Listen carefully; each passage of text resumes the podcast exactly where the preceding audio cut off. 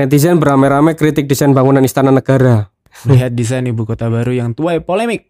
Garuda, Garuda ini kan sebuah monumen. Orang-orang yang punya dalam tanda kutip skandal, Hmm. orang-orang yang punya dalam tanda kutip juga sensasi itu jauh lebih populer daripada orang-orang yang punya prestasi. Siapa artis skandal 19 detik gitu? Waduh, pasti sudah lihat. Pasti lihat kan? Nah, coba saya pikir ini fenomenal. Eh, anak ini, eh, saya sebut anak ini karena ini Oke. usianya cukup cukup muda daripada Iya, kita ya. Originalnya, ini plagiatnya. Tapi style-style foto memang bro.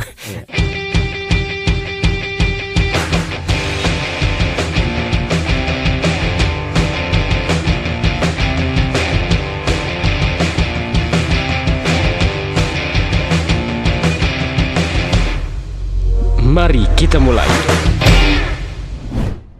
Assalamualaikum, Oh, Waalaikumsalam warahmatullah. Afan Hakim. Karena Saya- panjangan lagi. Mau dipanjangin juga ada titelnya. Oh, gitu. titel ya. Males. Gak tapi. penting ya? Nggak, nggak penting. Nggak penting. Afan iki kini kenal tahun biru ya? Menarik ini. kita kita saling mengenal satu sama lain. Eh, Mungkin sudah hampir 10 tahun yang lalu ya. 10 tahun Eh, yang lalu ya. Berapa sih? Sekarang 2021. 2021. 2009. Sen ketika terjebak di Malang yang Iya. pulang dari Jakarta. Jadi saya melamar. saya me- melamar ke sebuah kantor. Eh, Kebetulan kantor Anda. Terus kemudian satu bulan kemudian ini kantor apa sih?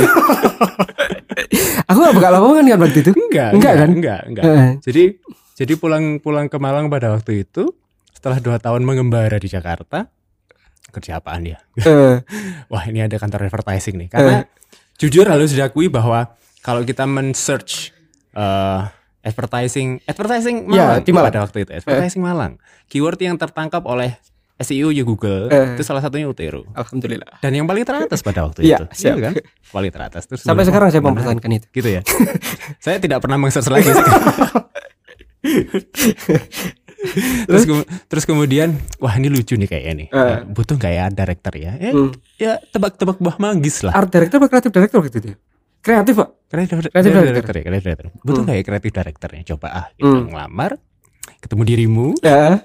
terus singkat kata singkat cerita ya diterima lah ya Eh. terus kemudian satu bulan saya nggak ngapa-ngapain ini beneran nggak butuh kerjaan apa enggak ini Sama kan nggak ngerti ya ceritanya ya. iya iya iya. Ketika eh sampai melamar waktu itu, saya ingat betul lamarannya warnanya merah. oke Ya. itu kenapa saya pertama kali exciting melihat lamaran di merah dan saya tidak buka lowongan. oke Dan di situ lamarannya adalah creative director. oke Karena jujur waktu itu juga gak ngerti-ngerti aman nih advertising gitu. Wah, creative director. Aku searching. Kayaknya keren nih kayak perusahaan kono creative director gitu. Jadi saya menebak menebak buah manggis, saya menebak nebak buah eh, mangga. oke oke Coba ah, begitu san masuk, kita nggak ngerti tau. dan mungkin itu ya apa namanya eh, kita berada di di persimpangan jalan begitu ya jadi saya dari sini Iya betul. eh ketemu Kayak ketemu kayak eh, ini Ayo, penting ya. iya. gitu. Sama advertising Jalan, kayaknya gitu mungkin advertising kayak kayak di Jakarta gitu ya. Hmm. Yang waktu itu saya juga terinspirasi juga dengan advertising Jakarta Dwi Sapta advertising waktu itu juga. Kayaknya penting nih. Ini orangnya penting. Cuman terus terang saya bingung waktu itu kan. Dan jadilah eh, kita cuma ngobrol ada satu bulan. eh, ada satu karya yang juga masih teringat di saya bikin bikin jingle. eh, eh bukan bukan single iklan radio Oh, iklan radio. Iklan radio apa jingle ya Iklan radio, iklan radio. karena peruntukannya memang untuk radio Betul. Atau iklan Jadi, radio. iya outputnya iklan radio Ah, berbentuk sandiwara Eh, Oh iya. ya? Ka- lupa saya Ya sandiwara, sandiwara. sandiwara kan sandiwara Kalau nggak salah waktu itu tentang masalah eh, brosur yang eh, tentang raja kan nggak salah. ah, iya, itu. iya. itu kebetulan eh apa ya sandiwara radio itu di tahun segitu itu kan tidak terlalu apa ya tidak terlalu nge-hype lagi Ya. kita kita berdua dibesarkan sandiwara sandiwara radio yang Iya. sangat tren di waktu kecil Saus Rama Sepuh, Kumbara. Brahma Kumbara Iya. Mandili. KDS 8 kan Iya, iya. sandiwara sandiwara seperti itu tuh mewarnai lah ya Iya. mewarnai mewarnai kehidupan kita di waktu kecil dan membekas sekali nah kebetulan karena memang eh tak pikir segmentasinya UTR itu yo berada di usia-usia yang dulunya Ya. pernah mendengarkan sandiwara radio sehingga pada waktu mereka di recall kembali Ah, ah. Akan sebuah iklan yang mirip dengan apa yang mereka dengarkan, nah, mereka pasti mereka pasti akan tertarik lah. Ya. Intinya seperti itu. Satu bulan selesai kita langsung say Dadah. Dadah. Sudah. Kita lost kontak. Yes. Ya, kemudian kita hanya saling melihat cuman di sosmed. Yes. Akhirnya kita temu di Adki nggak salah. Adgi tahun Adgi Malang pertama kali. Iya. Jadi jadi saya ingat aku datang di em, apa itu namanya? Launching pertama yang di kafe yang sekarang udah tutup di Eh, Jalan Rampal, Rampal. Bandung. Bukan, bukan. Ya rampal, kopi. Rampal. Eh, Enggak, enggak. Kafe yang di Jalan Bandung yang sekarang udah tutup. oh, anu, Itu. Kita ketemu di situ kan sebenarnya. di sebelah eh, pom bensin ya? Iya, sebelah pom bensin. Ah, iya, iya. Kafe apa itu? Eh, Ria Jenaka. Iya, Ria Jenaka Ah, Ria. Jenaka. Ria Jenaka. Pada waktu itu memang eh itu apa namanya? Tema acaranya apa? Atau Waktu itu kalau nggak salah brainstorm ya. Urutannya ya, sama brainstorm terus kemudian bikin atau Oh. sebelum brainstorm? kalau Iya iya iya. Long Eh. short story eh, intinya intinya sebenarnya kita dipertemukan di Adgi eh, itu merupakan momen-momen di mana Adgi Malang, eh, Adgi chapter Malang itu berdiri berdiri. gitu ya. Karena ya atas permintaan terus kemudian desainer Malang juga banyak Eh, kok ndak punya kok ndak punya komunitas gitu. Sakno. Bisa no gitu. itu terus kemudian saya juga tidak ti- bukan bukan termasuk bukan termasuk pendirinya sih saya saya hanya orang yang tertarik eh desain grafis gitu eh Tapi belum masuk kalau nggak salah. belum belum masuk belum masuk belum masuk Ah. hanya hanya sebagai penonton yang merasa apa ya merasa punya hubungan lah Ah. merasa bu- punya hubungan dengan desain grafis terus kemudian nonton nonton acaranya Oh ya. terus akhirnya eh sorry selepas acara itu yang di di cafe Ria Jenaka itu ada brainstorming brainstorm Iya brainstorm. Ha. brainstorm Ah, Itu kolaborasi Adki dengan Akti AM. dan AM eh, Asosiasi Periklanan Malang ya Hmm. tuh terus kemudian sejak saat itu eh apa ya lebih mengenal teman-teman desainer Ya. lebih mengenal teman-teman periklanan Malang ya yaudah kalau sesama biasanya ini lazim sekali lah sesama sesama orang yang punya interest yang sama itu biasanya kan saling saling Ya. terkonek kan Terus kita ketemu lagi juga di acara di Rampal tuh ya, kumpul opek pertama kalau nggak salah itu. Ya. oh itu kumpul lebih pertama ya Itu kumpul opek pertama itu. oh iya Iya. warung warung Ya. sekarang sudah nggak ada Yang juga eh, ditutup gara-gara senyap. punyanya, punyanya Mas Haji ya itu ya Bukan. eh bukan Eh siapa tuh kawan yang di Banyuwangi itu? Ah. Ya itulah. Ah, ya, Nah, itu kita ketemu di situ. Terus kita ketemuan di Atki Atki Atki Atki sampai ketemu di MCF juga kan akhirnya. Yes. Ya. Terus kebiasaan kita sama. Sama-sama ngopi kan. Yes. Iya. Yes. Sungguh sangat tidak eh, mencerminkan reputasi saya sih ya. Kebiasaan ngopi itu akhirnya Ini eh, ngomong kenapa ada di depan ini?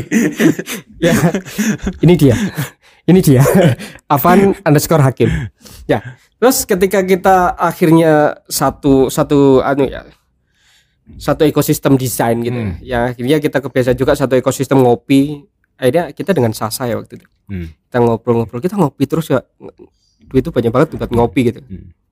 terus akhirnya ya boleh cara nih kita bikin sebuah sesuatu nih ya kan yang nantinya buat ngopi akhirnya lahirnya sebuah Odikiro Hmm. dengan panggilan kita yang tiga bangsat Hmm. tiga tiga tiga abang-abang yang tersesat gitu ya sebenarnya ketemu kita lebih tersesat gitu ya. Untuk mencari siasat. untuk mencari solusi dan siasat Bro Avan em sampean ki lapo saiki ini saya lebih saya lebih sering sepedaan sekarang. Karena sepeda ini hobi sepeda ini hobi. tapi nggak ngasilin duit kan Enggak, enggak enggak. sama secara background sekolah kan Sekolah Desain. desain, desain komunikasi visual. di ITS TS Surabaya. asli lulus Lulus, Lulus. lima tahun lulus. Hah? Jauh jauh lebih cepat dari teman-teman kebanyakan. Eh. Biasanya ya terus begitulah. outputnya harusnya kan masuk ke situ secara linear nih eh. kerja nih Eh. bisa pekerjaan sebenarnya sebenarnya begini. Eh aku tuh lebih lebih suka kalau misalkan ditanya itu skill daripada Ah. pekerjaan. oke sip. gitu. Karena kalau pekerjaan itu seolah-olah kita hanya apa ya? Hanya membatasi, hanya melimit kita tuh pada satu keahlian tertentu gitu sih. Hmm. sebenarnya skill yang saya jual, skill yang paling sering saya jual itu adalah motion graphic designer. Adalah ya apa namanya singgungan dengan graphic design ya. Meskipun sebenarnya kalau teman-teman belajar eh, Iku di kampus ono kan? Singgungan aja sih, singgungan aja sih. Oh. Karena desain komunikasi visual kan sebenarnya akarnya kan desain grafis nih. Hmm. menjadi meluas menjadi menjadi komunikasi visual karena adanya demand-demand baru dari industri. Hmm. Desain grafis ini sekarang kalau misalkan masuk TV jadi desain apa ya? Masa desain grafis juga? Iya ya. Akhirnya dipelajari lah desain-desain desain-desain yang sekiranya bisa bergerak dalam tanda kutip ya. Bisa Hmm. bergerak. Apa aja yang bisa bergerak? Oke, animasi, motion graphic, videografi, film. Itu kan itu kan singgungan-singgungan aja. Tapi emang desain produk. Desain komunikasi visual. Oh, itu desain komunikasi Desain visual. komunikasi visual. Jadi Oh. jadi di ITS itu dulu dulu udah udah jadi DKV. Dulu sebelum jadi DKV, DKV itu adalah salah satu irisan, salah satu apa ya? Konsentrasi jurusan. Hmm. Ko- eh, nama nama jurusannya adalah desain produk industri memang. Hmm. Terus kemudian punya konsentrasi jurusan desain komunikasi visual, desain produk industri dan desain interior.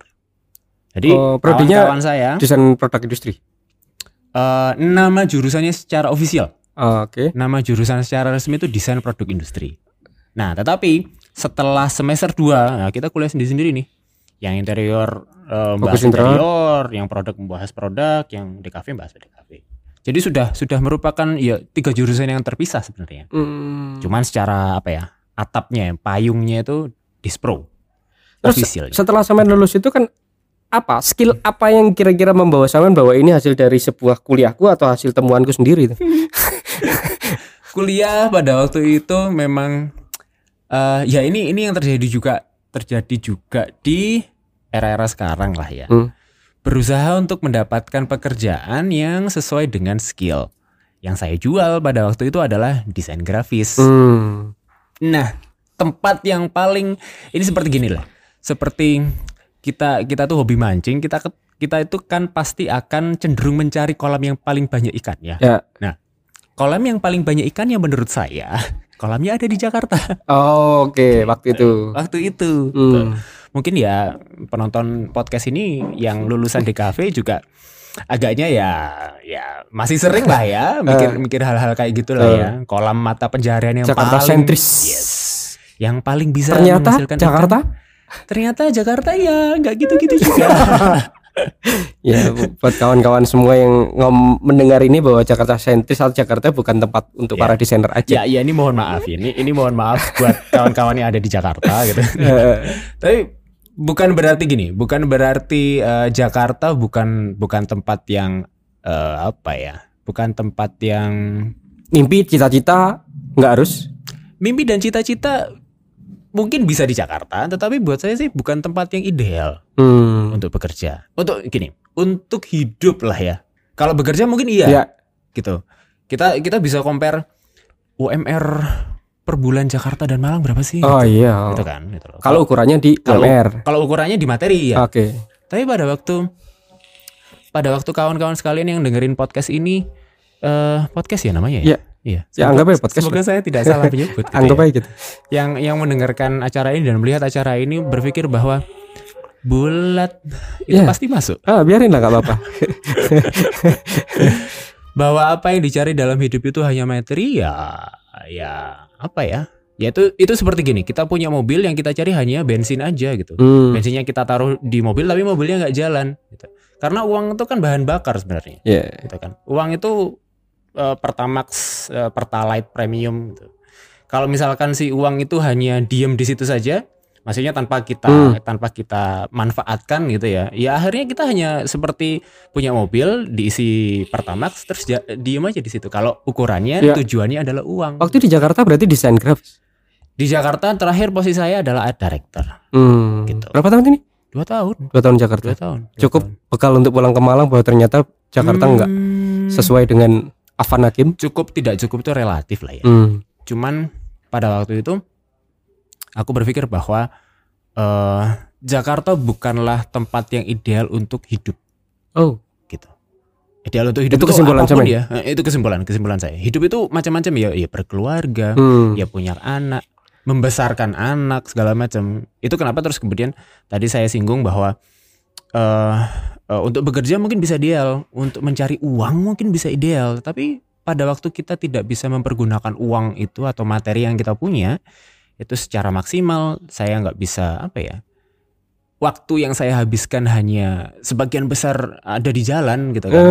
Eh, berangkat jam 5 pagi pulang bisa jam 8 jam 9 malam itu kalau nggak lembur kalau lembur bisa sampai pagi gitu kan Terus Macetnya belum. juga? macetnya belum gitu kan akhirnya ya ya buat apa juga gitu. Relasi, kalau relasi. Jakarta dapat? Relasi eh sempat ada beberapa network gitu ya. Ada beberapa kawan-kawan yang saya maintain apa namanya komunikasinya setelah setelah keluar dari Jakarta. Ada beberapa project juga yang yang apa namanya eh, dap- saya dapat dari kawan-kawan saya itu dari dari relasi itu. Cuman kemudian eh karena di tahun 2000 2010 2011 ya pada waktu itu ya dua tahun setelah saya resign dari Jakarta itu karena keterbatasan jarak juga ya kita belum industri kita belum siap untuk sorry industri periklanan pada Ya. waktu ini ya saya apa namanya bicara dalam perspektif seperti itu industri periklanan belum belum terlalu siap untuk membuat ekosistem yang yang sifatnya remote gitu jarak jauh Hmm, ya. saya kan di Malang Ya. terus kawan saya di Jakarta terus kemudian kalau misalkan harus ketemu klien gimana wah bingung juga kan gitu loh akhirnya ya ya mau tidak mau mereka akan mencari Putus. resource terputus terputus Ah. otomatis mereka akan mencari resource yang jauh lebih dekat gitu Selesai sudah. selesai Jadi relasi yang di Jakarta bisa dikatakan dari 100% relasi yang itu untuk ngomongin secara project yes sekarang sudah selesai. selesai Terus sekarang ini pandemi kan gitu. Hmm. Kawan-kawan sa- semua saya terutama itu kan ada bisa dikatakan gini. Aku terbiasa berhubungan dengan orang secara offline. Hmm. Uma itu sudah terbiasa tidak kumpul dengan manusia. Baik. iya kan? Jadi seolah-olah Saman sudah mengetahui apa yang akan terjadi di depan Eh. dan Saman sudah bisa dikatakan tidak perlu beradaptasi. Iya nggak? iya ini ini tahun gini pada waktu pada waktu saya saya ingat saya ingat pada waktu saya memulai freelance Mm-mm. itu diingatkan oleh LinkedIn. Jadi kita kan Eh, iya, punya iya. profil LinkedIn Iya, ya. iya. kan? You are six years Ah. anniversary in apa saya, saya nulisnya di LinkedIn itu Avan Hakim Studio. Iya. Jadi eh, kemarin tuh saya ngecek eh, saya nulisnya itu Januari 2015. Berarti sekarang sudah enam tahun. 16 enam tahun. 2015. 2015, 2015. Eh, 6 tahun. Iya, 6 tahun, betul. 6 tahun 3 bulan sekarang. Iya. Gitu. Jadi karena diingatkan oleh LinkedIn, loh iya ya. Ternyata ternyata saya sudah sudah selama itu bekerja secara remote, bekerja secara jarak jauh dengan klien saya yang mostly dari luar negeri gitu loh. Dan itu sebenarnya kalau misalkan ditanya Hmm. eh, adaptasi atau tidak, ya adaptasi saya selama itu sebenarnya gitu loh. Sepanjang itu. Aku pernah mencari freelancer desain di Malang. Apa nanti Hakim itu masuk di sana? Nah ya? Iya. Wow. Di antara berjibun banyak orang freelancer, Avan tuh ada di sana. Ini saya lupa namanya, tapi saya pernah mencari gitu. Oke. Nyata Avan adalah seorang freelancer gitu. Oke. Nah, tapi ketika sudah di Jakarta terus ke, ke Utiro yang waktu itu tidak jelas gitu ya. Akhirnya kan pernah bikin usaha sendiri kan gitu. Itu berapa tahun? Dulu pada waktu itu merasa bahwa skill yang yang yang tak punya adalah eh, salah satunya adalah film videografi. Hmm. Dulu pada waktu itu bikin satu kantor namanya Kata Pictures. Hmm. yang em, sebenarnya sangat sulit untuk kemudian menjual gini, menjual film making production secara lokal.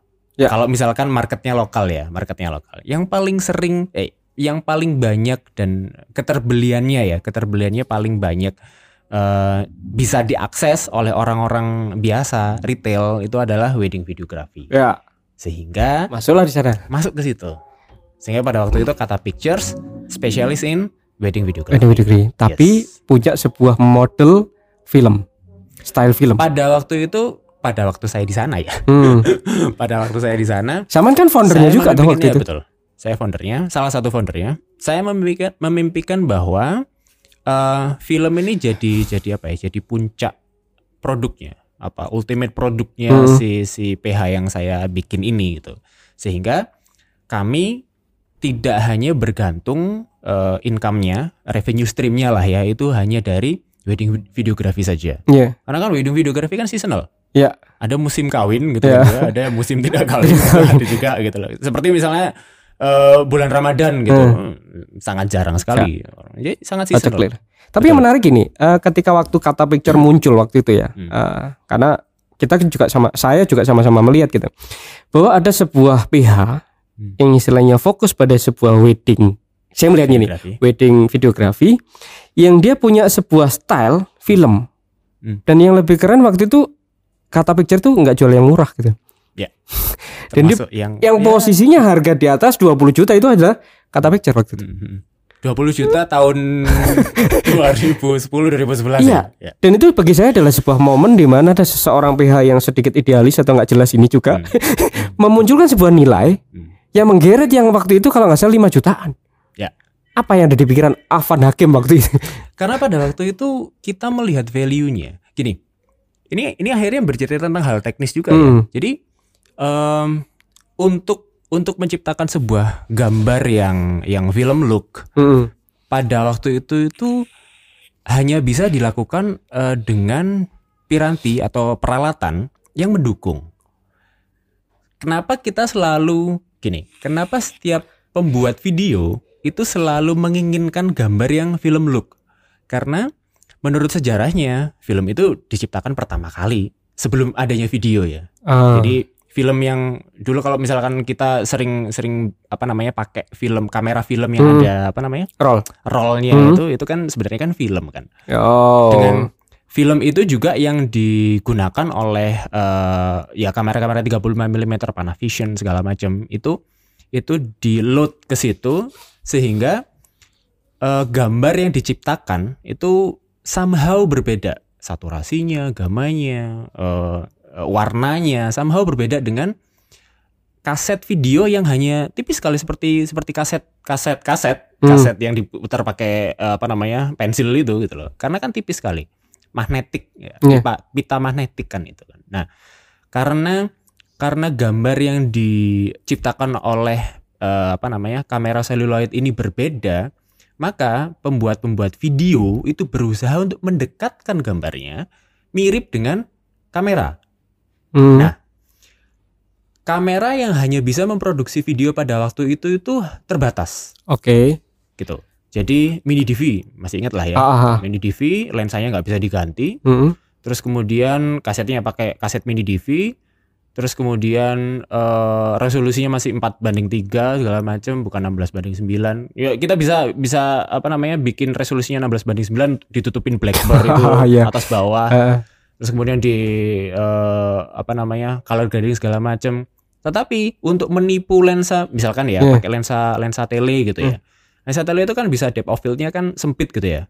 Fokus di depan backgroundnya ngeblur. Heeh. terus kemudian bisa bisa dirubah bisa racking fokus gitu. Itu tidak bisa dilakukan oleh kamera mini DV Ah, kamera video yang paling apa populer ah. pada waktu itu. Disiasat itu nggak bisa. Nah akhirnya kita melakukan siasat Ah. kita melakukan siasat bagaimana menggabungkan eh, lensa foto dengan kamera video Ah. gitu. Jadi pada waktu itu eh thanks to YouTube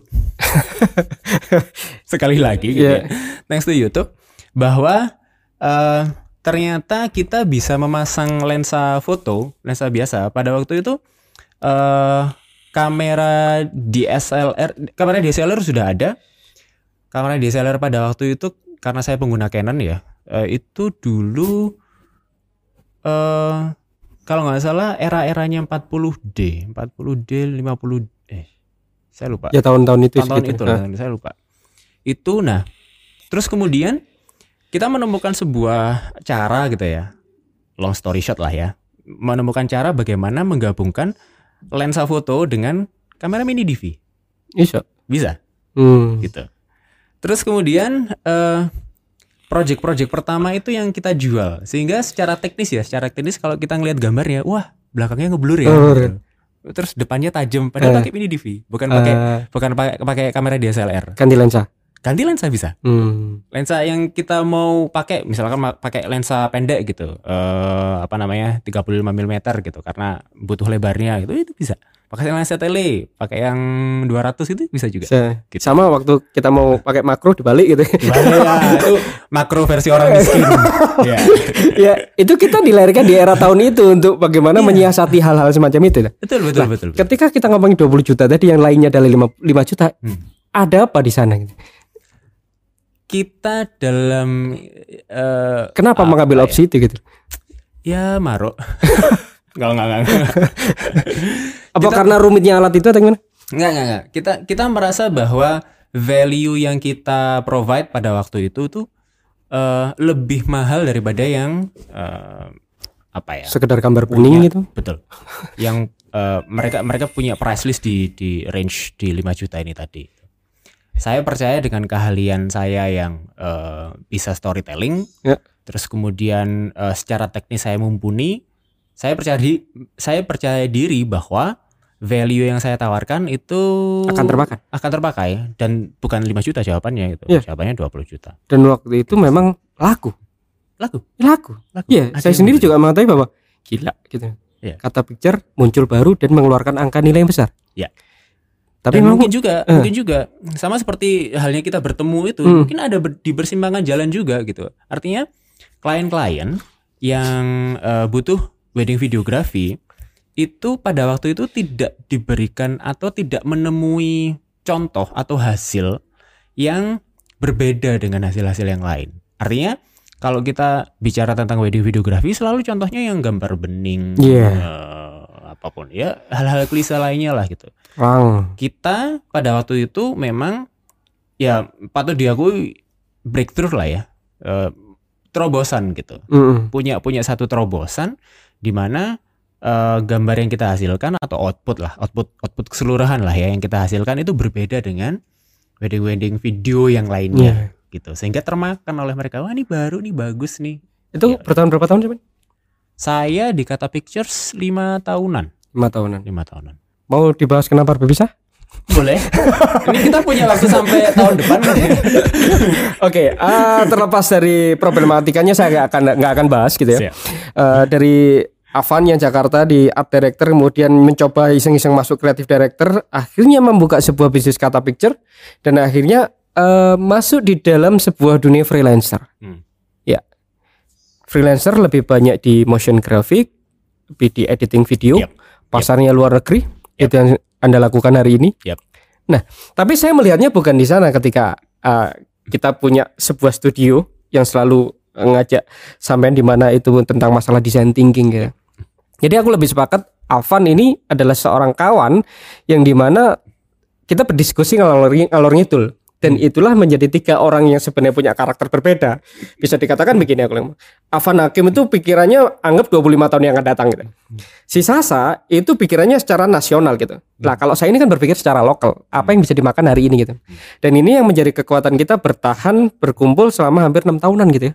Ketika kita di Iya. Adki ya. iya Iya. Dan kita punya satu studio namanya Odigiro Brand Consultant. iya. Saya lebih sepakat Avan ini punya pemikiran-pemikiran unik gitu. Hmm. Eh, di mana kita ngurus Madiun, Hmm. ya kita konsultan brandingnya City Yes. Branding yes dan bisa dikatakan kalau mau City Branding Consultant nggak ada orang, padahal sebenarnya banyak sekali orang-orang hebat tapi Hmm. kita muncul di sana, positioningnya positioning kita, kita pasuruan ya. Ya. Kemudian kita di Lumajang ada konflik juga hubungin kita. yes Ya. Kemudian kita ngurusin Dika Universe yes eh, apartemen, kita ngurusin Mika Cuan, Kekacauan. eh, eh, kita ngurusin Rohani dan kawan-kawan Oh, gitu. Rasanya saya rindu karena kita kan udah lama gak ketemu gitu. Selama selama pandemi kita Ya berbulan-bulan karena keterbatasan apa namanya eh, pergerakan manusia juga lah ya. Iya. Keterbatasan pergerakan manusia, terus kemudian eh, keluarga juga di rumah akhirnya tidak nggak nggak sekolah segala macam. Terus klien juga akhirnya kita sama-sama berada dalam sebuah posisi yang sulit di mana klien-klien kita Mm. pun juga tidak ada aktivitas, Iya. gitu kan? Tapi sampean bisa hidup kan tetap dalam posisi freelancer ini? Iya betul. Iya kan? saya rindu pemikiran-pemikirannya Avan yang di mana saya akan punya beberapa eh, diskusi di sini eh, tentang masalah Lu foto saya hilang. Ya, Avan suka sepeda. Eh ini, Loh, Ya. ini? tahu Yonlek kan? Eh, tahu aja tapi nggak tahu lagunya. Coba nyanyi dong. Aku juga gak ngerti. Cuma saya pikir ini fenomenal. Eh, anak ini, eh, saya sebut anak ini karena ini Oke. usianya cukup cukup muda daripada Iya, kita iya. ya. Umur berapa bocah ini? Wah. kalau nggak salah 28-an kalau nggak salah ya. Tapi cukup lumayan, suaranya nggak begitu enak ya. Eh, Tapi iya. musik-musiknya oke lah gitu loh ya. Tapi dia terkenal daripada kita kan gitu. Iya, iya. Ya, iya, oke. iya. Ini Ter- ada ter- satu eh, terkenal dalam dalam perspektif apa dulu? ya. Saya lihat nih, Terkenal karena Lionel skandalnya dituding plagiat video klip milik EXO. Oke. Ini pernah lihat kan videonya pernah lihat sedikit-sedikit walaupun Iya, nggak iya, mengamati iya, banget iya, gitu ya. iya. Sempat, Eh, sempat ini sempat beredar juga di Instagram lah ya. ini, eh, pribadi kayaknya. Ini sudah dihapus. Oke. Ada dihapus Oke. gitu. Ini ada satu eh, dari konten kreator ini Fajar Alamsyah juga membandingkan gitu. Membandingkan antara si karyanya EXO dan karyanya si Raja Terakhir. Hmm, Eh, hmm, hmm. ini gimana San menanggapi ini? Ini plagiat atau? Hmm. Hmm. Hmm. Ya, kita tadi kan sudah lihat juga ya. Eh, Atau mungkin di di podcast ini akan dilihatkan juga. Oh, Atau iya. Kita harus ya, i- apa namanya izin dulu ke Fajar Alam. oh iya. Jadi eh, Mas Fajar Alamsyah, hmm, saya mengambil ini karena tadi saya searching juga eh, perbedaan itu ternyata Mas Fajar Alamsyah sudah eh, membuat sebuah versus gitu. menganalisa. menganalisa gitu. Berusaha untuk menganalisa. Berusaha untuk menganalisa. Kalau menurut saya ya nggak plagiat. Enggak ya? Enggak. Originalnya ini plagiatnya. Nah. Tapi style-style foto memang bro. Enggak plagiat. Mau nanya kenapa enggak plagiat? Iya, Apa yang bisa diplagiasi? eh, iya. Kalau kalau gini, kalau semua style visual yang mirip kita sebut plagiat, apa jadinya dengan tahu iklannya eh, di Mas J ya, Hmm, yang naik eagle, naik naik apa namanya naik elang, hmm, Eh, iklannya Indo es, es- Indo es krim, hmm. masih ingat kan? Ya. Itu kan sama-sama stylenya seperti sinetronnya Indosiar kan? Ya. Gitu. Oke. Kemudian apakah gini? Kalau misalkan kita berusaha untuk mengklaim bahwa Dimas J memplagiasi sinetron Indosiar, Ya. eh, ki- kita bisa kita bisa me- mengirimkan tuduhan itu nggak ke dia? No, menurut Ya. saya enggak. Menurut saya Dimas J terinspirasi eh, gaya-gaya sinetron Indosiar karena apa? Karena yang menonton sinetron Indosiar itu menonton eh sorry sorry, karena yang membeli Ya. Indo es krim eh, es krim Es krim itu menonton menonton sinetron-sinetron Indosiar. Jadi seolah-olah merecall gitu ya. Merecall. Ah, Menurut saya, menurut saya nggak tahu ini apa maksudnya Yonglek juga terinspirasi Mhm. oleh Lelit. Bisa jadi dia mungkin memanggil semua fansnya Lelit K-pop, K-pop ini. untuk nonton Raja Terakhir. Oke. Bisa jadi. Bisa jadi seperti itu. Karena gini, karena kalau misalkan uh Anda orang hukum, tentu saja jauh lebih piawai daripada saya untuk menjelaskan apa itu plagiat atau tidak. Ya. Tapi menurut saya ya hak cipta itu kita kita berhenti di atau gini hal-hal yang paling terlihat dalam dalam kehak ciptaan seseorang atau kreator segala macam itu pada waktu sudah di manufacturing kan gitu pada waktu sudah diproduksi kan jadi Produksi masalah. betul jadi Hmm. rumusnya resepnya itu apa sih gitu jadi kalau misalkan se- sehingga nanti membentuk paten segala macam gitu Hmm. kan jadi yang bisa kita yang bisa kita eh, apa ya jaga di awalnya itu adalah bagaimana rumusannya kan rumusannya membuat desain ini supaya tidak orang lain bisa memakai desain yang sama itu kenapa kalau misalkan kita bikin logo misalkan ya itu kan ada rumusannya kan Hmm, ada ya. guideline-nya atau gitu loh Grade-grade-nya segala macam. segala macam yang akan didaftarkan sehingga pada waktu ada orang lain yang mau atau orang lain yang apa ya yang kurang baik gitu ya ingin wah kok bagus tak pakai juga ah nggak bisa karena sudah karena sudah di dimiliki Iya. lisensinya oleh Terus kalau kalau sepakat nggak kalau hari ini sebenarnya kita bukan pada era penemu ya. Hari ini kita Iya, ada di sepakat, era era sepakat. modifikasi gitu ya. Hmm, hmm. Di mana oh beredar sekali informasi-informasi di Google, di YouTube segala macam itu seolah-olah kan badai informasi, badai referensi gitu. Hmm. Kita pernah bahas juga yang masalah plagiasi atau enggak yang di apa? Lumajang Lumajang kan ya? Lumajang. Lumajang. iya Terus tonton eh, videonya di sini eh enggak ya? Lumajang. Di oh mana? bisa bisa bisa. Bisa ya? di, Bisa. Di mana? di sini sini sini. Nah, kalau kita ngomongin plagiat gitu ya. Berarti kan kita tadi diskusi tentang masalah era modifikasi. Hmm. Ya kalau seumumnya saya searching nih buat bulat logo mirip bendera Jepang ini juga akan Oke. muncul ya. oke Nah, kalaupun eh, ben logo mirip gitu ya. Eh, mirip dengan apa? Coba kita searching gitu ya. Logo mirip gitu aja. Nah, ini pun juga Oke. seperti ini ya. Ah, sama dengan kasusnya ini ya. Ya. Ah, jadi Fine, ketika kita ngomong Yonlek itu bukan ya.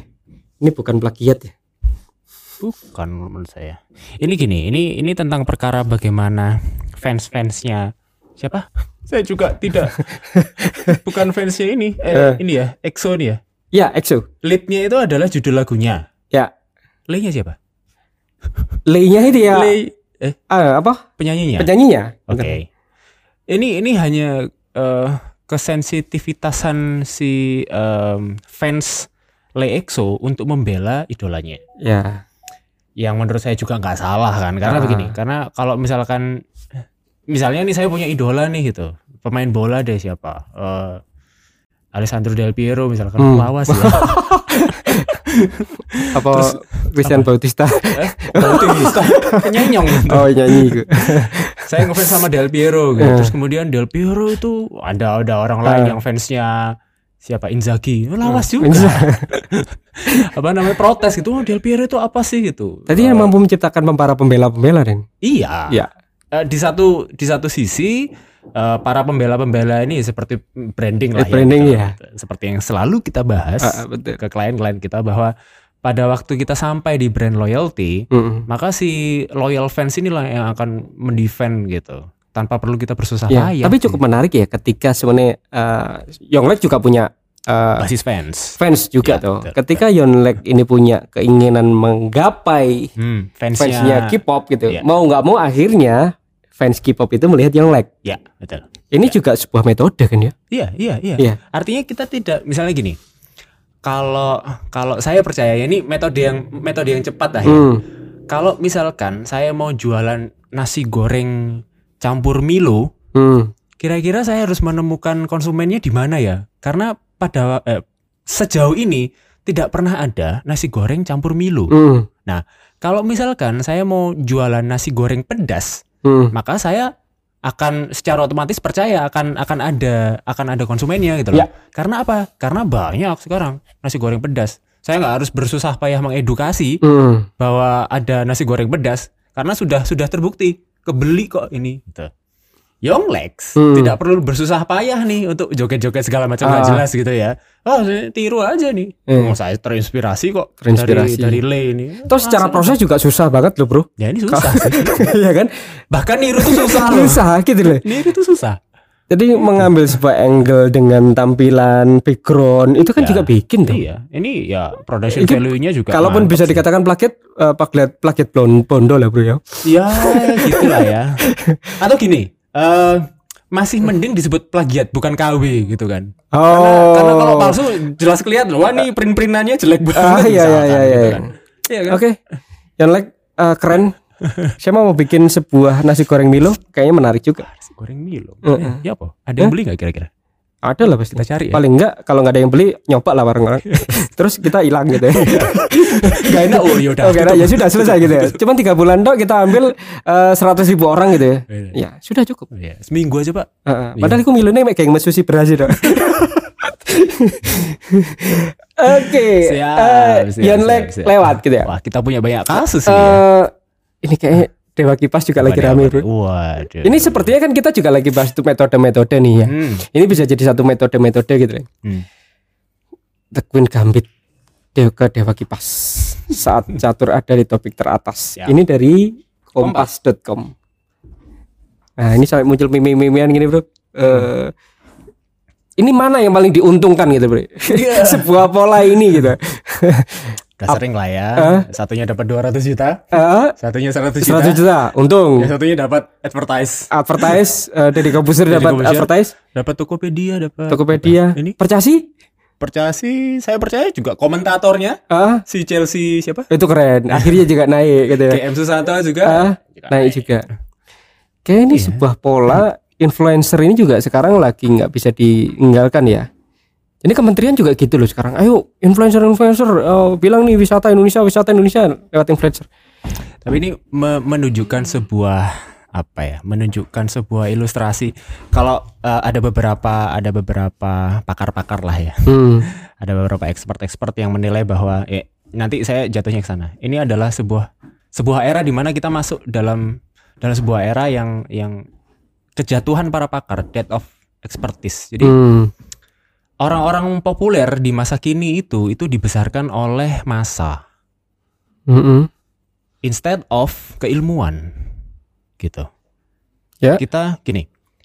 Ilmuannya kita posisikan di Iren misalkan. Iren. Iren Sukandar Master. gitu. Dia punya ilmu. Dia punya ilmu, dia punya pengalaman, dia punya reputasi, jam terbangnya tinggi, Hmm. terus kemudian eh reputasi tersebut dibuktikan dengan dia pernah menang ini itu di luar negeri, internasional. Oke. Bahkan dia atlet timnas juga kan Hmm. untuk di di di catur, Catur. gitu. Sedangkan Pak Dewa Kipas sopo mau jenengi. Iya. Ini jualan burung kalau nggak salah. Gitu ya. Kalau nggak salah ya. Nah, Pak Dewa Kipas ini eh mungkin anaknya gini, anaknya kalau nggak salah saya pernah sempat baca bapak saya ini dulu eh mantan atlet turnamen. Oh, iya. Turnamennya di mana kan tidak maksudnya kita tidak bisa mengcross check Iya. gitu loh.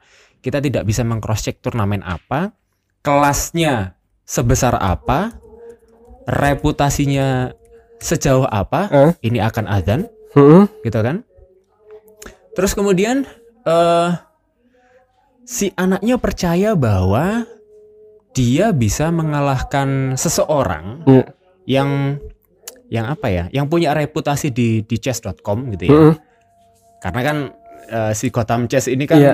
dia dia punya dia punya pengalaman dan rating Repu- di, di chess.com yang tercatat. Betul. Nah, eh, Pak Dewa Kipas ini itu eh, pengalamannya dipercaya sedikit, Mm-mm. tetapi ratingnya langsung cepat naik kan gitu loh. Oke. Itu itu yang kemudian orang-orang berpikir bahwa dia menggunakan bantuan robot, gitu kan, Iya. bantuan bot untuk memenangkan setiap pertarungannya itu tadi. Nah, eh, ketidakterimaan si anaknya Pak Dewa Kipas ini ini memberikan apa ya?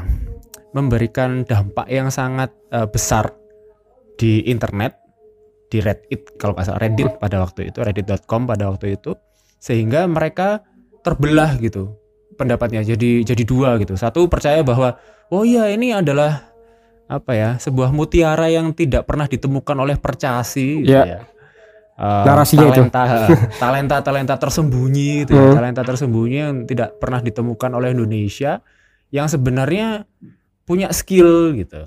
Tapi yang satu satu sisi lagi eh, percaya bahwa yo kayaknya ada indikasi kecurangan juga deh. ini. Ya. Ada indikasi-indikasi dia dia pakai bantuan deh artificial intelligence deh gitu.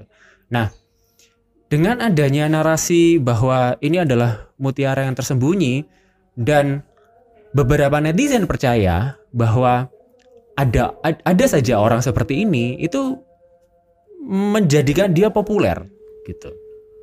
Jadinya kalau misalkan gini, itu itu kenapa itu kenapa akhirnya this is the era of death of expertise Ya. karena orang-orang populer ini itu akan terkenal orang-orang seperti ini ya orang-orang yang em, punya basis masa at the end secara instan punya basis masa yang sangat kuat itu jauh lebih cepat populer daripada orang yang punya ilmu Hmm. orang-orang yang punya dalam tanda kutip skandal Hmm.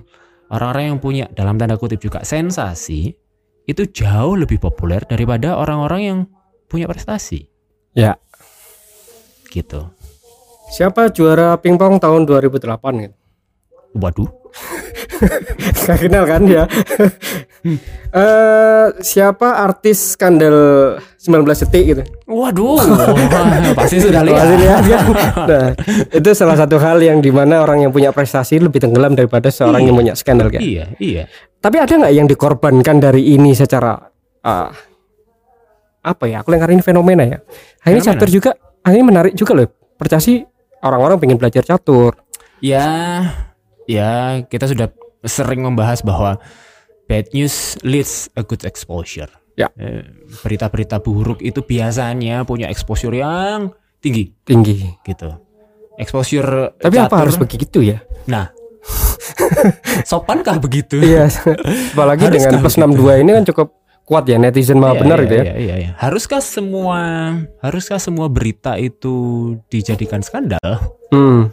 Ya, meskipun kita bisa apa ya? Meskipun kita bisa eh, pahami gitu sampai sejauh ini memang berita-berita skandal berita sensasional seperti itu punya rate rating yang Iya. tinggi exposure yang tinggi Betul. Waktu kita ngomongin Malang, Hmm. eh, Malang Ya, ya, ya. beautiful, beautiful Malang Beautiful Malang. beautiful eh, beautiful. Apakah benar-benar beautiful gitu? Hmm. Itu rasanya juga akhirnya rating kita naik. iya iya iya Kita ngomong di tiga bangsat ngomongin eh, Arema itu Hmm. nggak harus biru, Hmm. Malang itu Iya. juga naik. iya iya iya. Apa harus demikian nih bro? Entahlah.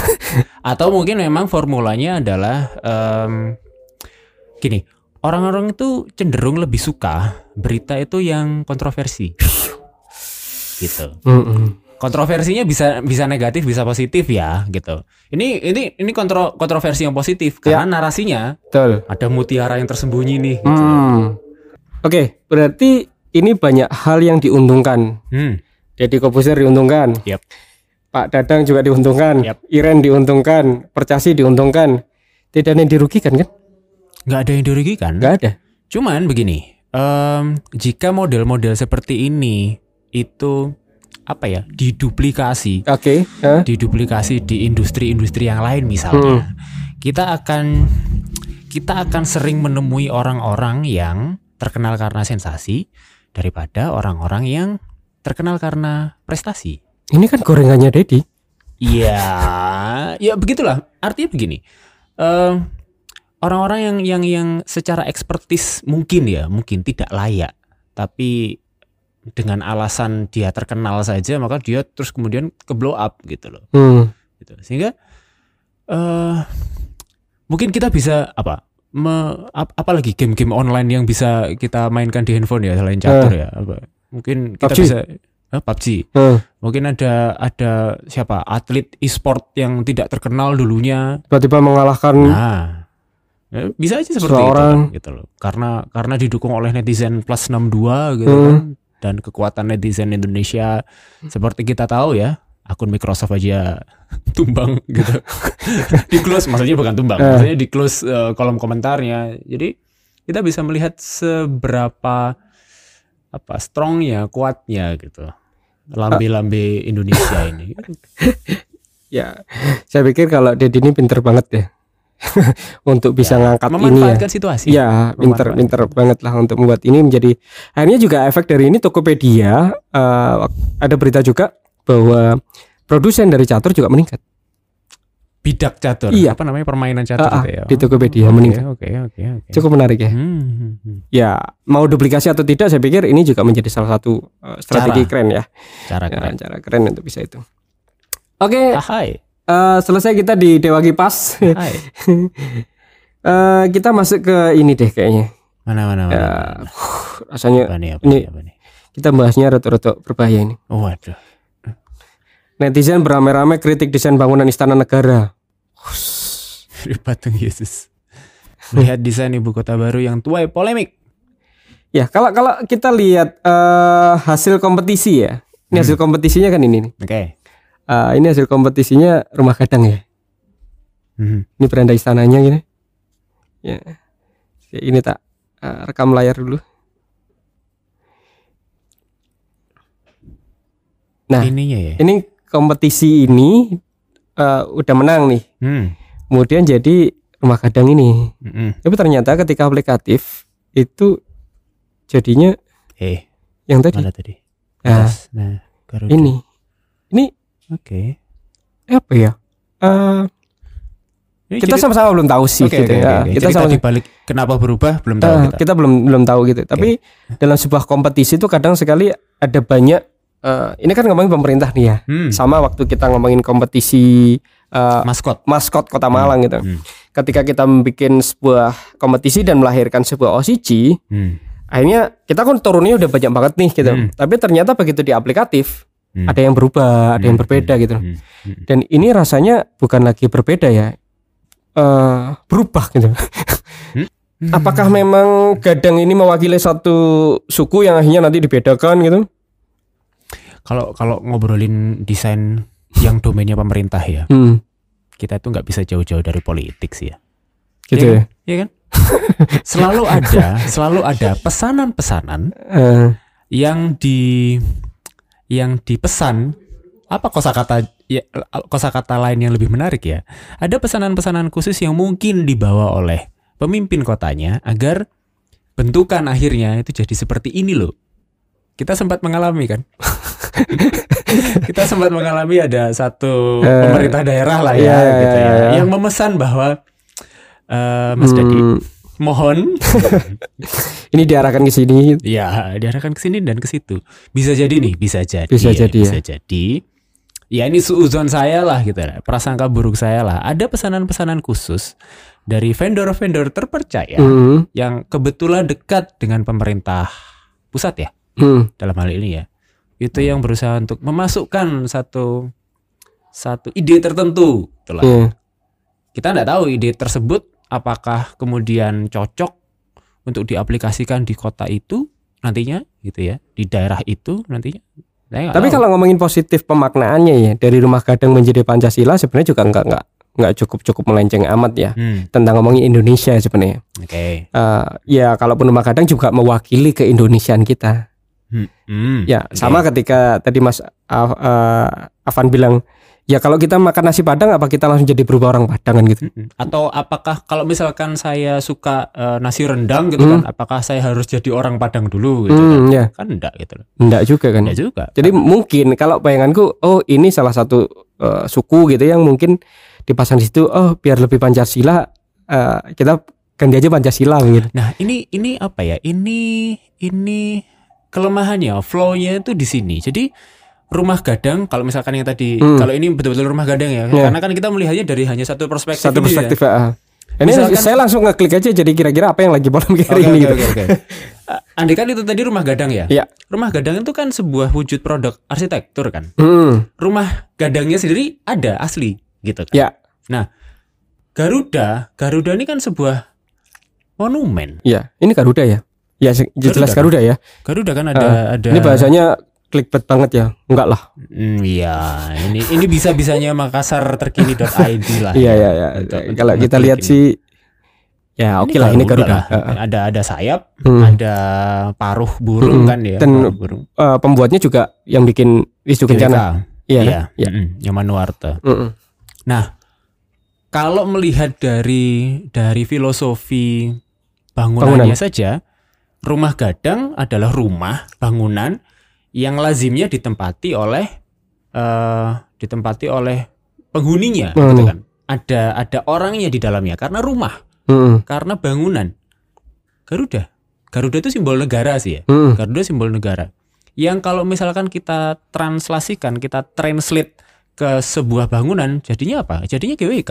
Jadi- Jadinya patung, monumen. Monumen. Iya. Ya Bukan- mungkin ini cuma fasad ya. Hmm.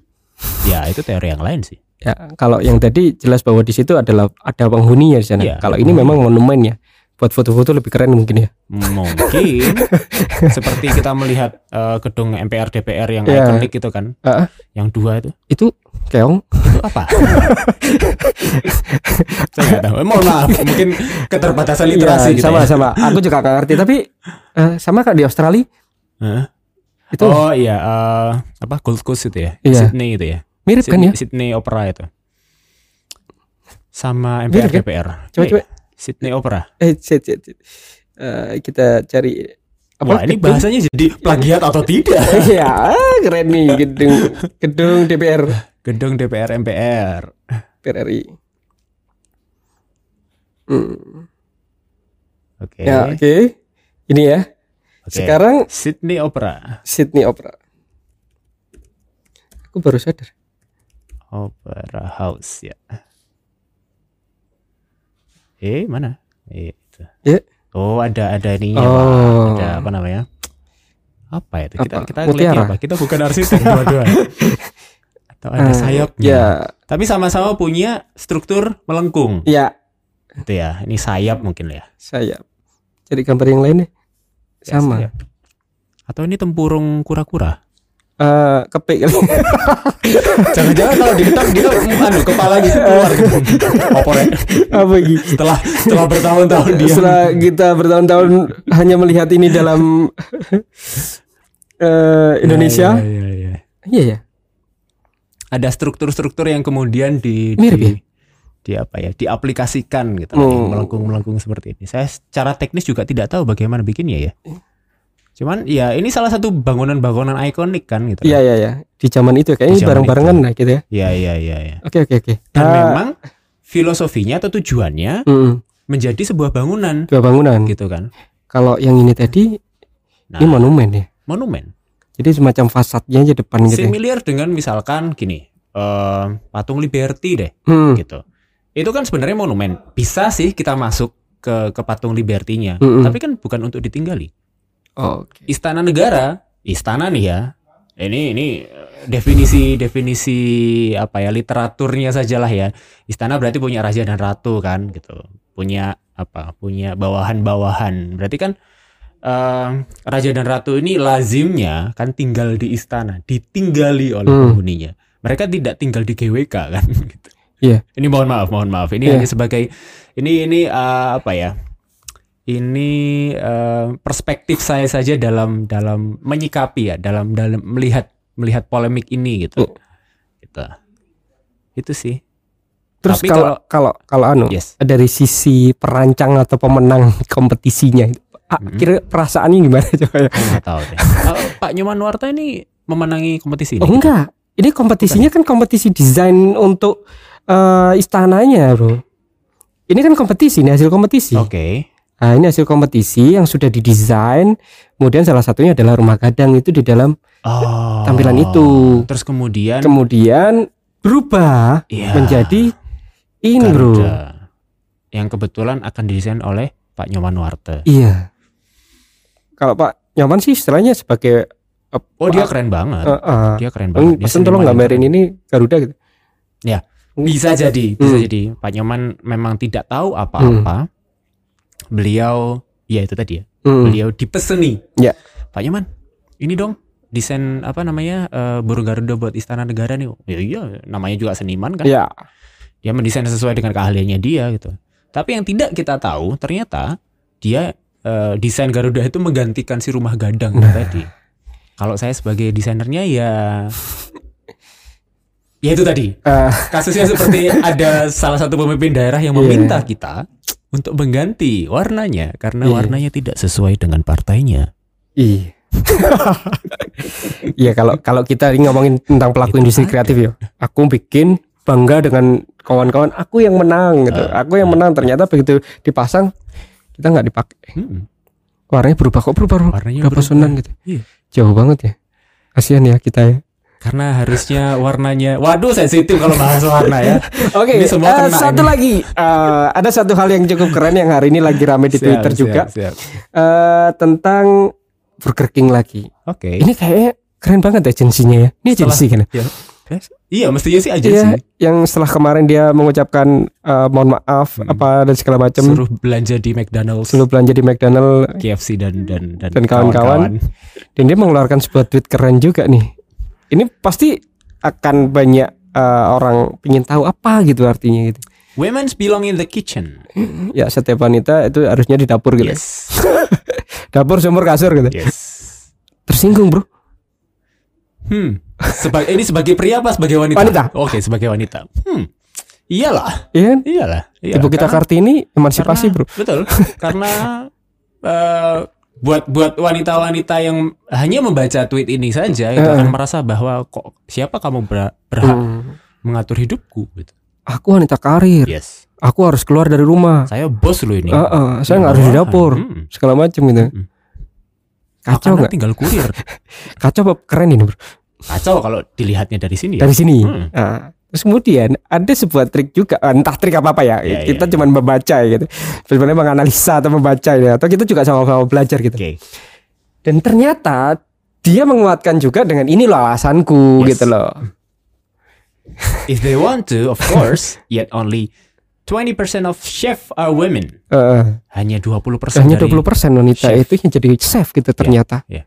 Harusnya Oke. kamu wanita itu di dapur, tapi kenapa kamu cuma 20% gitu loh? Ya, ya, ya, ya, ya. Atau gini, seharusnya wanita punya posisi yang jauh atau punya porsi Hmm, yang jauh lebih banyak daripada hanya 20%. harusnya. Harusnya. Jadi dia mengangkat Gitu. sebuah fenomena bahwa eh janganlah laki-laki. Iya iya iya. Kalau wanita itu keren di dapur gitu. Seperti kasus gini juga. Ada ada ada ilustrasi bahwa aktor-aktor wanita di Hollywood itu bayarannya jauh lebih sedikit daripada aktor pria. Aktor Wanita wanita di Hollywood heeh, itu bayarannya jauh lebih sedikit jauh lebih sedikit daripada, daripada aktor pria. pria. Padahal mereka sama-sama menjadi main cast-nya, eh, apa Pemeran utama. gitu.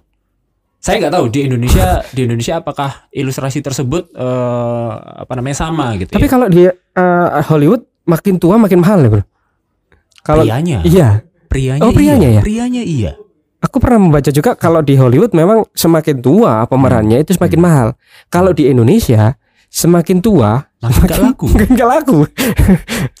Dari dari situ saja kita bisa memaknai bahwa ada ada ketidaksetaraan ya dalam hal gaji. dalam Hmm. hal gaji antara antara pria dan wanita gitu. Ini juga kita bisa menemukan sebuah situasi di mana tidak ada ya kita tidak menginginkan terus kemudian 50-50 gitu kan Hmm. women women women and men gitu kan female and male gitu kan tapi kemudian sebenarnya ada banyak celah ya yang belum diisi oleh para female ini para women ini untuk mengisi pekerjaan-pekerjaan yang seharusnya wanita juga bisa nih gitu Ya, gitu. Nah. Atau atau gini, mungkin eh produsen Caterpillar apa namanya? Eh, sepatu. Bukan Caterpillar itu yang yang Eh, alat traktor mesin. itu loh, mesin itu loh, Oh, alat-alat berat. alat-alat berat Ah. gitu. Mungkin bisa jadi juga menulis tweet seperti ini kan juga menarik. Gitu. Ah, Women's belong in the on the Caterpillar. pertambangan gitu. Iya. Iya kan? Iya.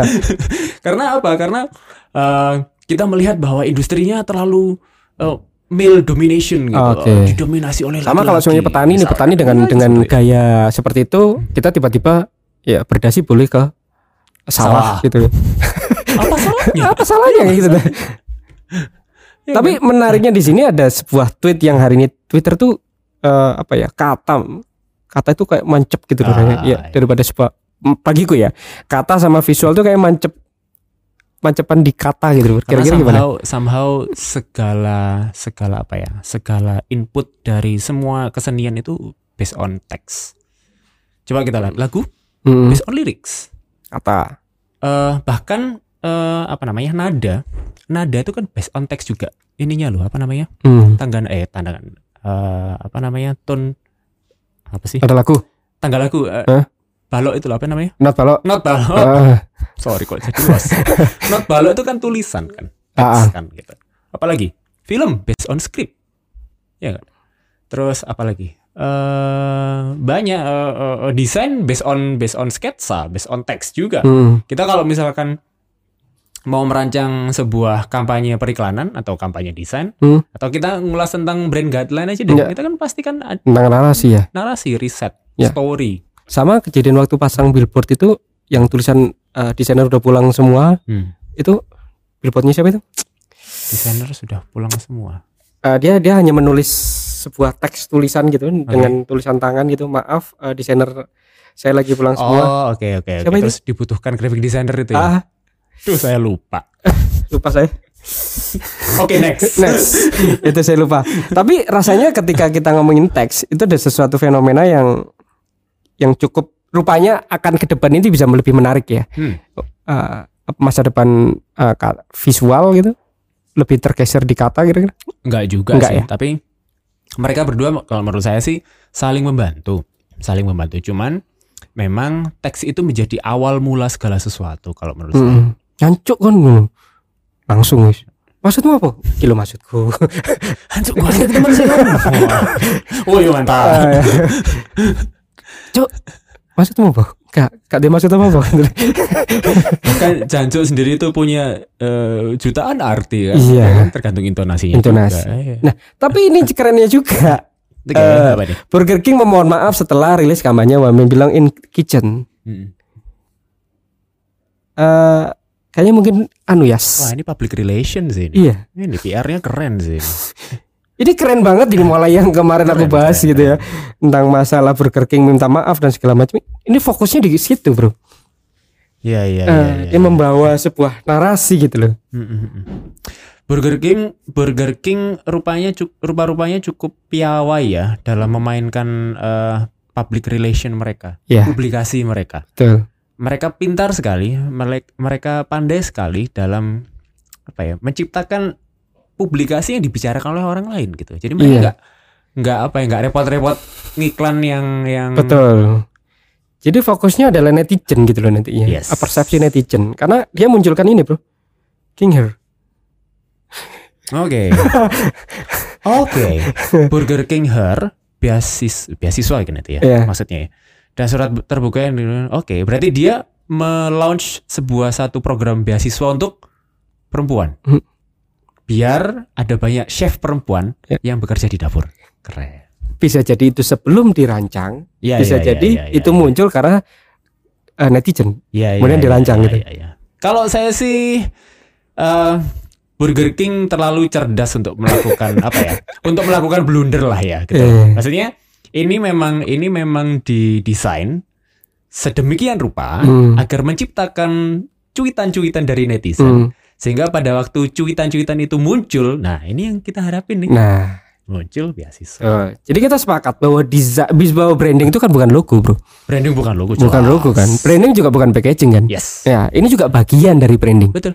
Jadi kalau orang-orang oh brandingmu gak keren, brandingmu gak boys, desainnya gak api, salah nggak?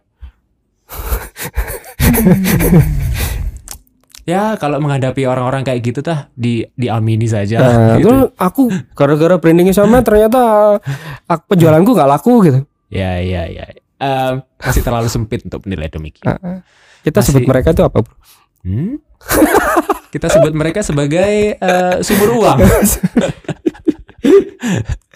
Aduh. Saya nggak tahu, tapi tapi buat apa ya? Buat mereka-mereka yang mereka-mereka yang kemudian eh, merasa bahwa eh, bisnis itu parameternya hanya dari desain saja, Mm-mm. yang yang masih menilai bahwa bisnis itu hanya akan sukses jika desain saya bagus, ya mungkin perlu melebarkan ini ya, melebarkan pandangan lah ya. Mereka juga punya bisa jadi bisa jadi kayak gini. eh desainnya udah bagus nih.